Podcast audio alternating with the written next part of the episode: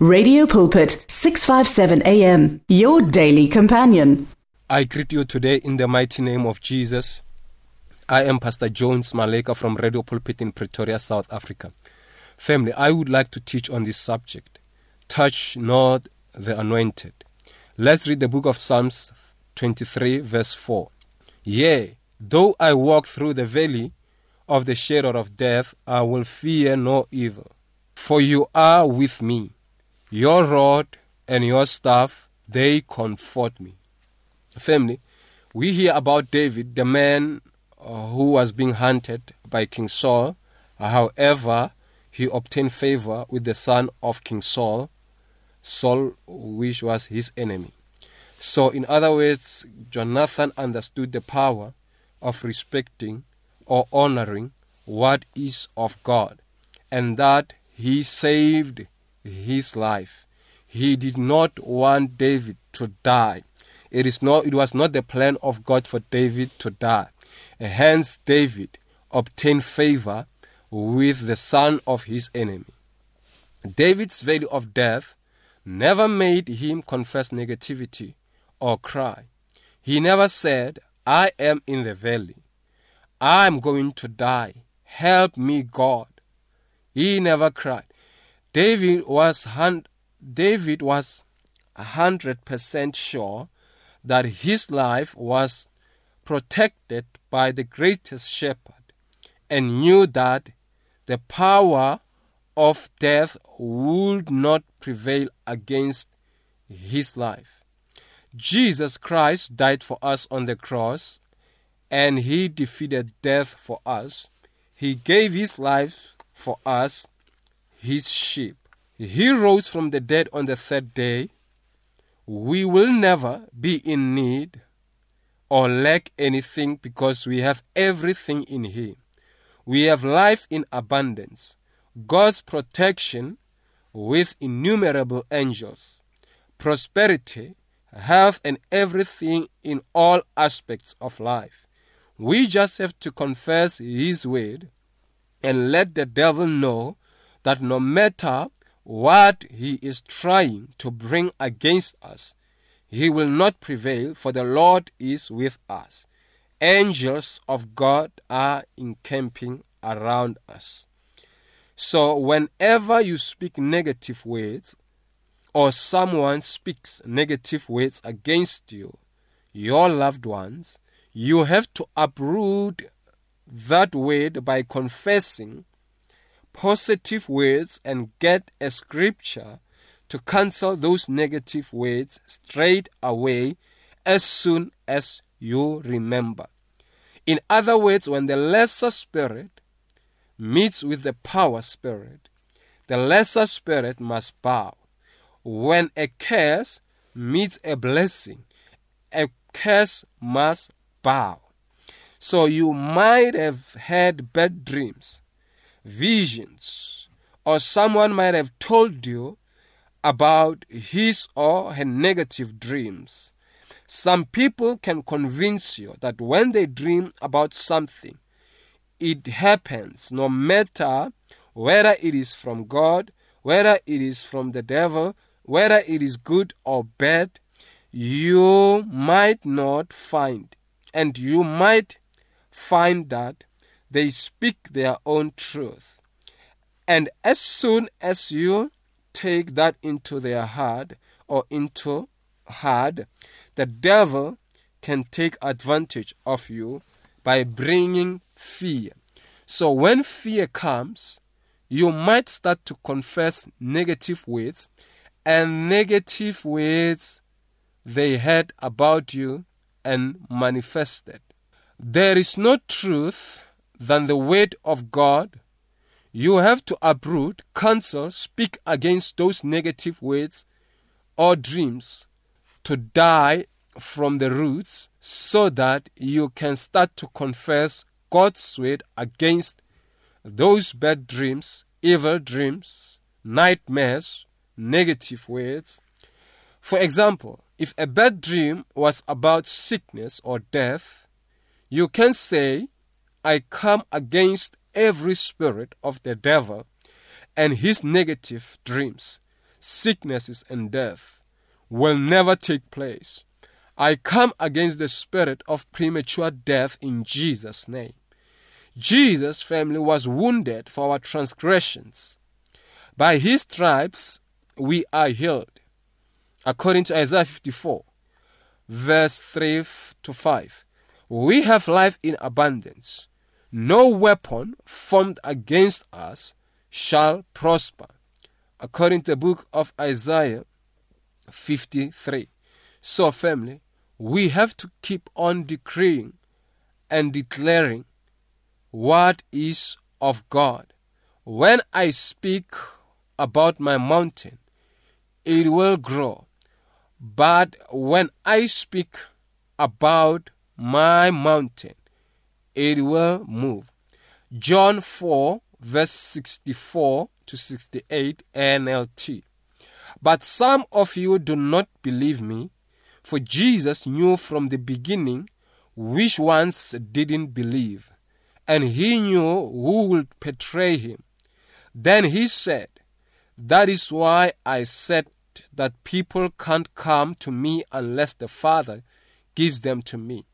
At this point, many of his disciples turned away and deserted him. Then Jesus turned to the twelve and asked, Are you also going to leave? Simon Peter replied, Lord, to whom would we go? You have the words that gives life. Family, Jesus said to his disciples, You can also leave. There were other disciples who left, but Peter said, To whom, to whom shall we go? You have the words of life. Family, the question is, when you are living from God, when you are drifting away, where are you going? To whom are you going? So, there were people who lived with Jesus in his earthly ministry. And these people, as the disciples of Jesus, they began to leave him, even though Jesus, in his earthly ministry, 100% man and 100% God, people deserted him. People left him. And the people who left him were people who were with him. So, family, which group are you falling under? Are you falling under the group that left Jesus, or are you falling under the group of Peter, who said to Jesus, To whom? To whom shall we go? To whom would we go? So, because the Lord has eternal life. Family, where you go, there is no eternal life. Eternal life is found in Christ, is found in Jesus. It is found where there is anointing. So, you need the word of life into your spirit in order to live and not die. Believers leave churches and shepherds for various reasons. Some reasons are good, some reasons are not good. Jesus was left by some of his disciples even though he has been giving them words of life. Some believers leave the church or a shepherd because they are not getting good teachings or faith food, which is the word of God, which is the word of life.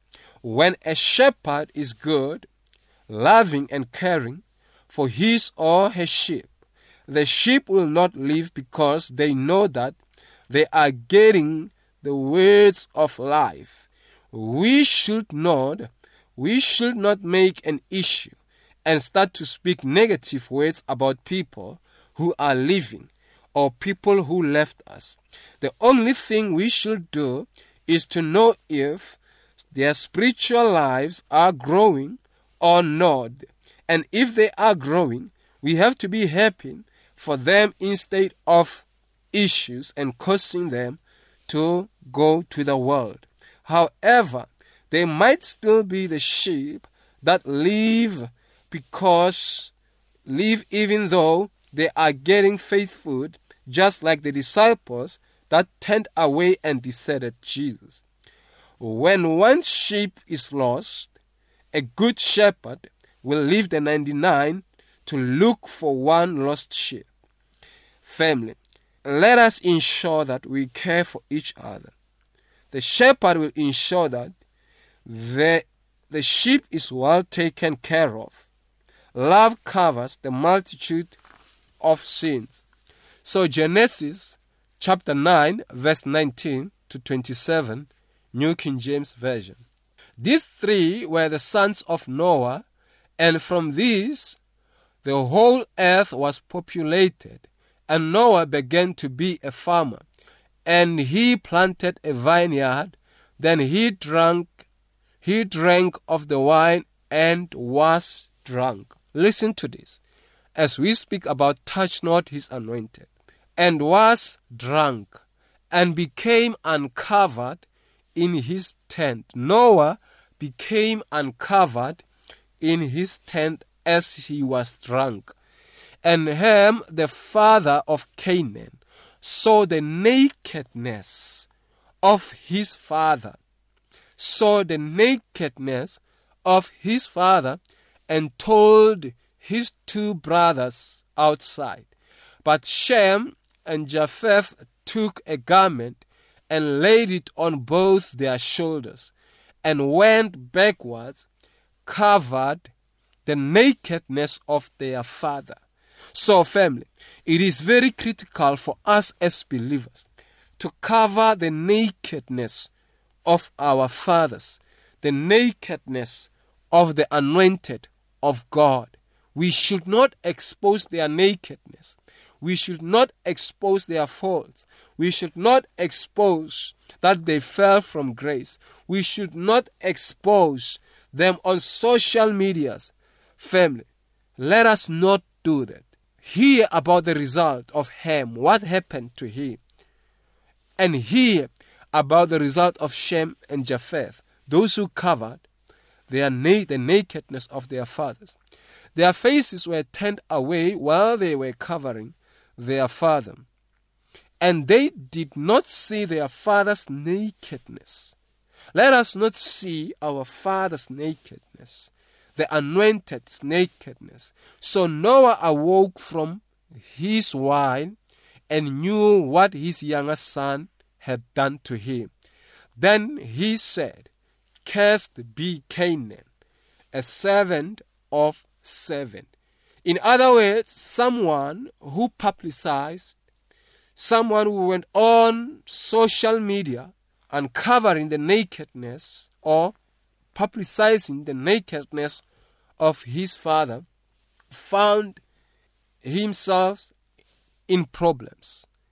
Then he said, Cursed be Canaan, a servant of seven, and he shall be to his brethren and he said, Blessed be the Lord, the God of Shem, the God of a son who covered my nakedness, and may Canaan be his servant.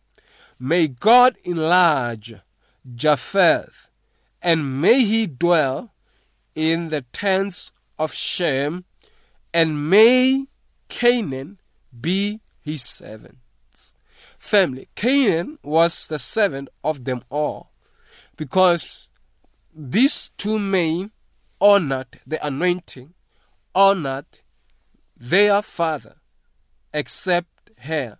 So let us not get ourselves in problems, in troubles. Let us not affect our generations with curses as the result of dishonoring the anointing of God.